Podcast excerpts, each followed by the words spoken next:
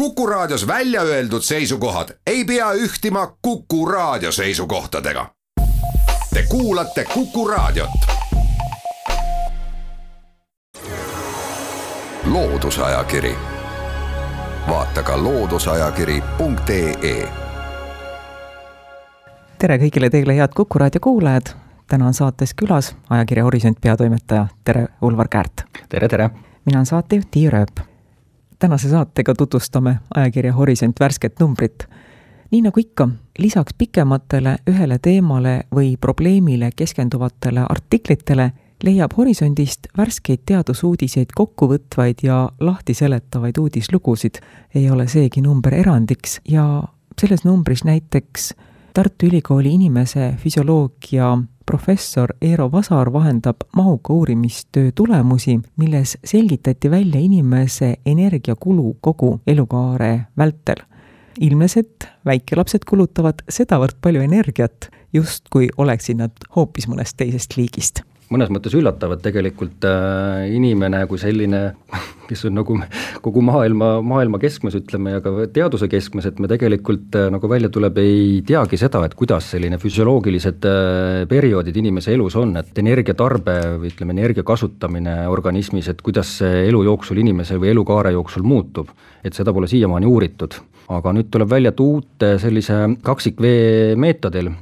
selle meetodi üksikasjadest saab nagu lugeja tegelikult sellest artiklist ise paremini ülevaate, aga see põhijäreldus just, et need lapsed ikkagi, et üheksa kuni viieteistkuused lapsed kasutavad kõige-kõige rohkem energiat, et äh, võrreldes täiskasvanuga siis näiteks on see suisa poole võrra suurem. Aga samas, eks ju, see järeldus jällegi, et miks ikkagi see energiatarbe just sellises väikelapse eas on kõige suurem, et see on ka jälle loogiline, et äh, see on just see periood, kui inimese areng on kõige tormilisem, kõik organid, kogu keha, kõik peab kasvama ja arenema hirmsa hooga, et selles mõttes on see loogiline, et siis on kas ütleme, energiatarve kõige suurem. aga jälle, miks see, ütleme, on oluline, et on küll tore teada, eks ju, et, et sellised energia, energeetilised perioodid on inimese elus, aga et see kõik aitab tegelikult paremini sihtida seda näiteks, et arvestada ka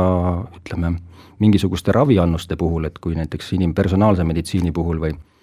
et äh, kui on väiksem laps, et see järelikult tal on ka teinekord vaja võib-olla ravidoosi suuremat või siis näiteks kui vanemal inimesel on energiatarve väiksem, et siis see ütleme, käib ka ühte sammu sellega, et kui suured tema, ütleme siis ka need raviannused võiks olla väiksemad. lehitseme ajakirja Horisont värsket numbrit edasi. keemilise ja bioloogilise füüsika instituudi teadlased kirjutavad mitokondritest, mis on hea tervise, aga ka haiguste teenistuses minu jaoks ülimalt huvitav artikkel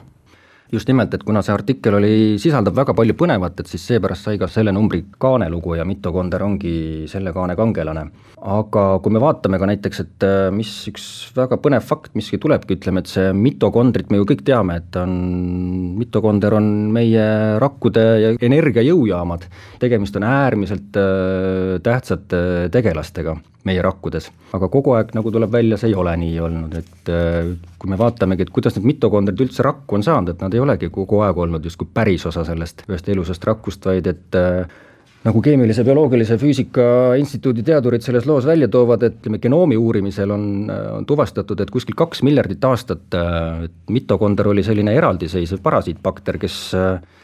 kuidas öelda, puges siis ütleme rakku ja ega see üks tavaline rakk tegelikult, mis siis veel ei osanud endale energiat teistmoodi ammutada, tahtiski seda mitokondrit saada. kuna mitokonder oskas hapnikut kasutada, sellest energiat toota ja, ja ühe saadusena tekkis vesinik, mida just siis rakkudel oli vaja näiteks energia saamiseks, et sellest siis saigi selline, kuidas öelda, kahe raku koostöö alguse, mis on siis ütleme tänaseni püsima jäänud, selline sümbiootiline suhe. ja mitokondrid ongi ka ütleme rakku selliseks pärisosaks muutunud aga nagu sellest loost ka tegelikult välja tuleb, et kuigi nad on sellised väga strateegilised tegelased meie organismis, need mitokondrid, et siis miks nad just teadlastele väga palju ja ka Eesti teadlastele väga palju huvi pakuvad, on just see, et mitmed haigused, võtame ka selle kurikuulsa vähktõve, mis iga päev kuskil keskmiselt kakskümmend inimest äh, loojakarja saadab, praegugi maailmas ringi kollitav äh, koroonaviirus on sellised kavalad haigused, mis oskavad neid mitokondreid enda kasuks tööle panna kui muidu näiteks äh, meie rakud ja organism saab nendest energiat, et siis just näiteks vähk ja, ja Covid suudavad äh, mitokondrid panna enda kasuks tööle endal, et saaks ise rohkem energiat ja saaks siis ütleme, selle võrra agressiivsemalt areneda. suudetaks nagu vahet teha sellele, et milline on, ütleme siis justkui jutumärkides see hea ja korralik, ütleme, kes täidab seda oma suuremat mõtet või ütleme, sellist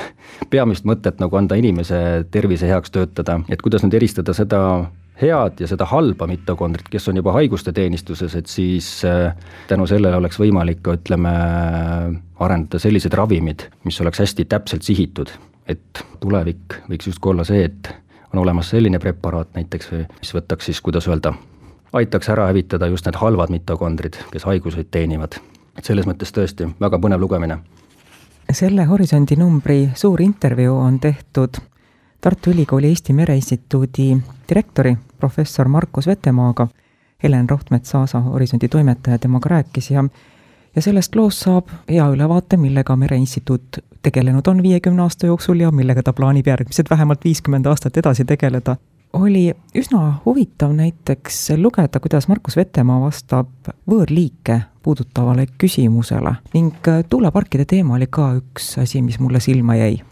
jah, tegelikult ütleme, mis on ka aktuaalne, meretuulepargid, me räägime siin rohepöördest energeetikas ja, ja üha suuremast vajadusest äh, rajada kas siis ütleme, alternatiivseid energiaallikaid, aga kui me räägimegi just siis ütleme meretuuleparkidest, mis siis nagu kala ja mereteadlaste äh, uurimisvaldkonnaga haakuvad, et siis näiteks üks väga konkreetne asi, ta peatub ka ütleme siis sellel Liivi lahte planeeritaval suurel hiiglaslikul tuulepargil ja ta mainibki siin seda, et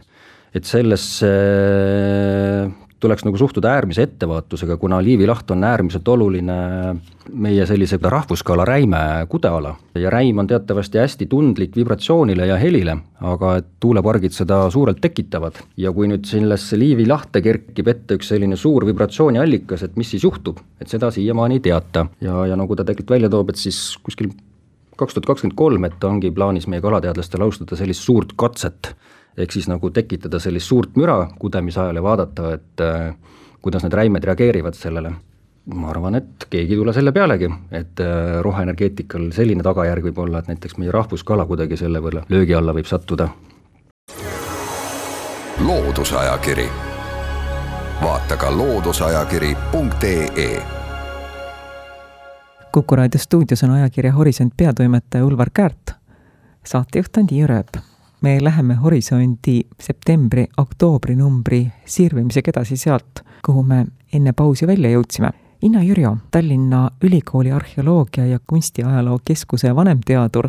on vaatluse alla võtnud Püha Antoniuse, sigade kaitsja ja tõbiste avitaja. püha Antonius oli keskajal Eestis üks rahva lemmikpühakutest kuna Antonius kehastas äh, sigade kaitsepühakut, aga siga on jällegi, ütleme, viis juuripidi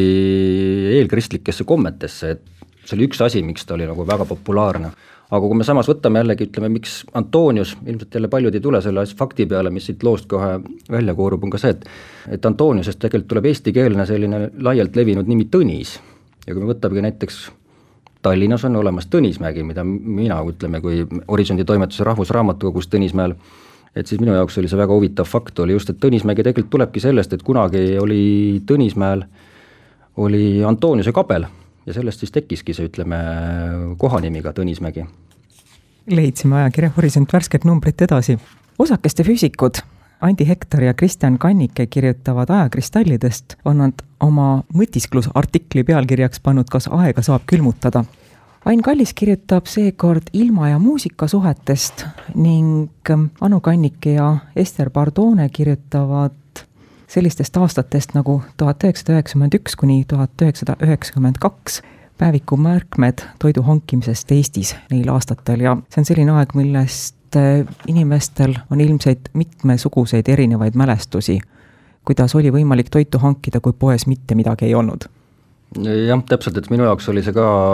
äärmiselt köitev ja selline paeluv lugemine oli sellepärast just, et mul endal tekkis, minuealistel ilmselt kõigil tekib see isiklik suhestumine juba sellise temaatikaga ja ma mäletangi, mul tulid kohe lapsepõlvest meelde sellised kummastusidki need pildid, et kui kõigest oli puudu, ja kuidas siis selles külapoe juures oli juba hommikul kella nelja-viie paiku läksid inimesed juba järjekorda mammid seisma ja ootama ja ma mäletan, kuidas seal ka kakeldi nende järjekorrakohtade pärast või siis ma mäletan, kuidas veel õhtuti sai oodata, terve pood oli näiteks rahvast täis ja kuidas sai leiba oodata ja, rääkimata nendest talongidest, ütleme kõigest, millest siin on juttu, ütleme see üheksakümnendate aastate alguse see kogu, kuidas see, see, see ütleme, selline kaubandus või, või toidu, toiduainete hankimine käis, ütleme, kui keeruline see oli, enne kui tuli need krooniaeg tuli ja, ja kui poed täitusid värvikirevate pakendite ja kõikvõimaliku importkaubaga ja et selles mõttes, et jah mm,, väga paljusid lugejaid või ütleme, tänapäeva lugejat, ütleme, kõvasti puudutav lugu. jätkame ajakirja Horisont sisu tutvustamist religiooniloolane Jaan Lahe kirjutab Partia riigist, riigist, mis oma hiilgeajal laius tohutul territooriumil, omas mõjuvõimu Roomast kuni Hiinani. tänaseks on see ülisuur, ülivõimas riik unustuse hõlma vajunud ja kahjuks on Partia riigi kohta säilinud äärmiselt napilt kirjalikke ülestähendusi jah, ütleme Jaan Lahe on varem ju kirjutanud meil Kušaanide impeeriumist ja ta on vaadanud just sinna aegade hämarusse, nende suurisid Aasia, Aasia impeeriume, nende tõuse ja languseid, aga seekord on tal jah, ütleme valitud Partia riik no ütleme, kui me räägime sellest ajaraamist, et millal siis tuleb välja selline suur-suur impeerium, siis ütleme Hiina ja, ja Rooma riigi vahel praktiliselt laius, et see on siis äh, kuskil orienteeruvalt kakssada viiskümmend aastat enne Kristust ja tegelikult kuskil kakssada viiskümmend aastat pärast Kristust ta juba ka kustus, see riik. Aga kui me räägime sellest impeeriumist, siis ühe impeeriumist teeb impeeriumi see, et sellisel hiiglaslikul territooriumil on mingisugused sarnased tundemärgid ja kui me vaatame just seda, neid märke, siis ütleme materiaalses kultuuris, et siis näiteks üks huvitav asi, mis siit välja tuleb, on see Partia kultuurile, selle arhitektuuris olnud väga omane sellised Ivani tüüpi kabelid, mis on siis ütleme sellise ümara kupliga, kolme seinaga, aga üks sein siis on avatud, sellised äh, ehitised olid. Ja need olid siis levinud kogu, kogu selles, ütleme, hiiglaslikul territooriumil ja samas, mis oli jälle huvitav jällegi nendel, et äh, linnad olid ümara planeeringuga ja arvatakse, et see siis oli, ütleme, kui sellisele riigi alusepanijad olid kunagi steppide rändhõimud, et siis see on, viibki tegelikult juuripidi sellised ümar, linnaplaneering sellise ümarale kunagisele telklaagri planeeringule, et väga põnev fakt jällegi. seekordses Horisondi numbris on hea mitu lehekülge füüsikute ülevaadet tumeainest ja ürgsetest mustadest aukudest noh, nii see on kuidagi juhtunud jah, Keemilise Bioloogilise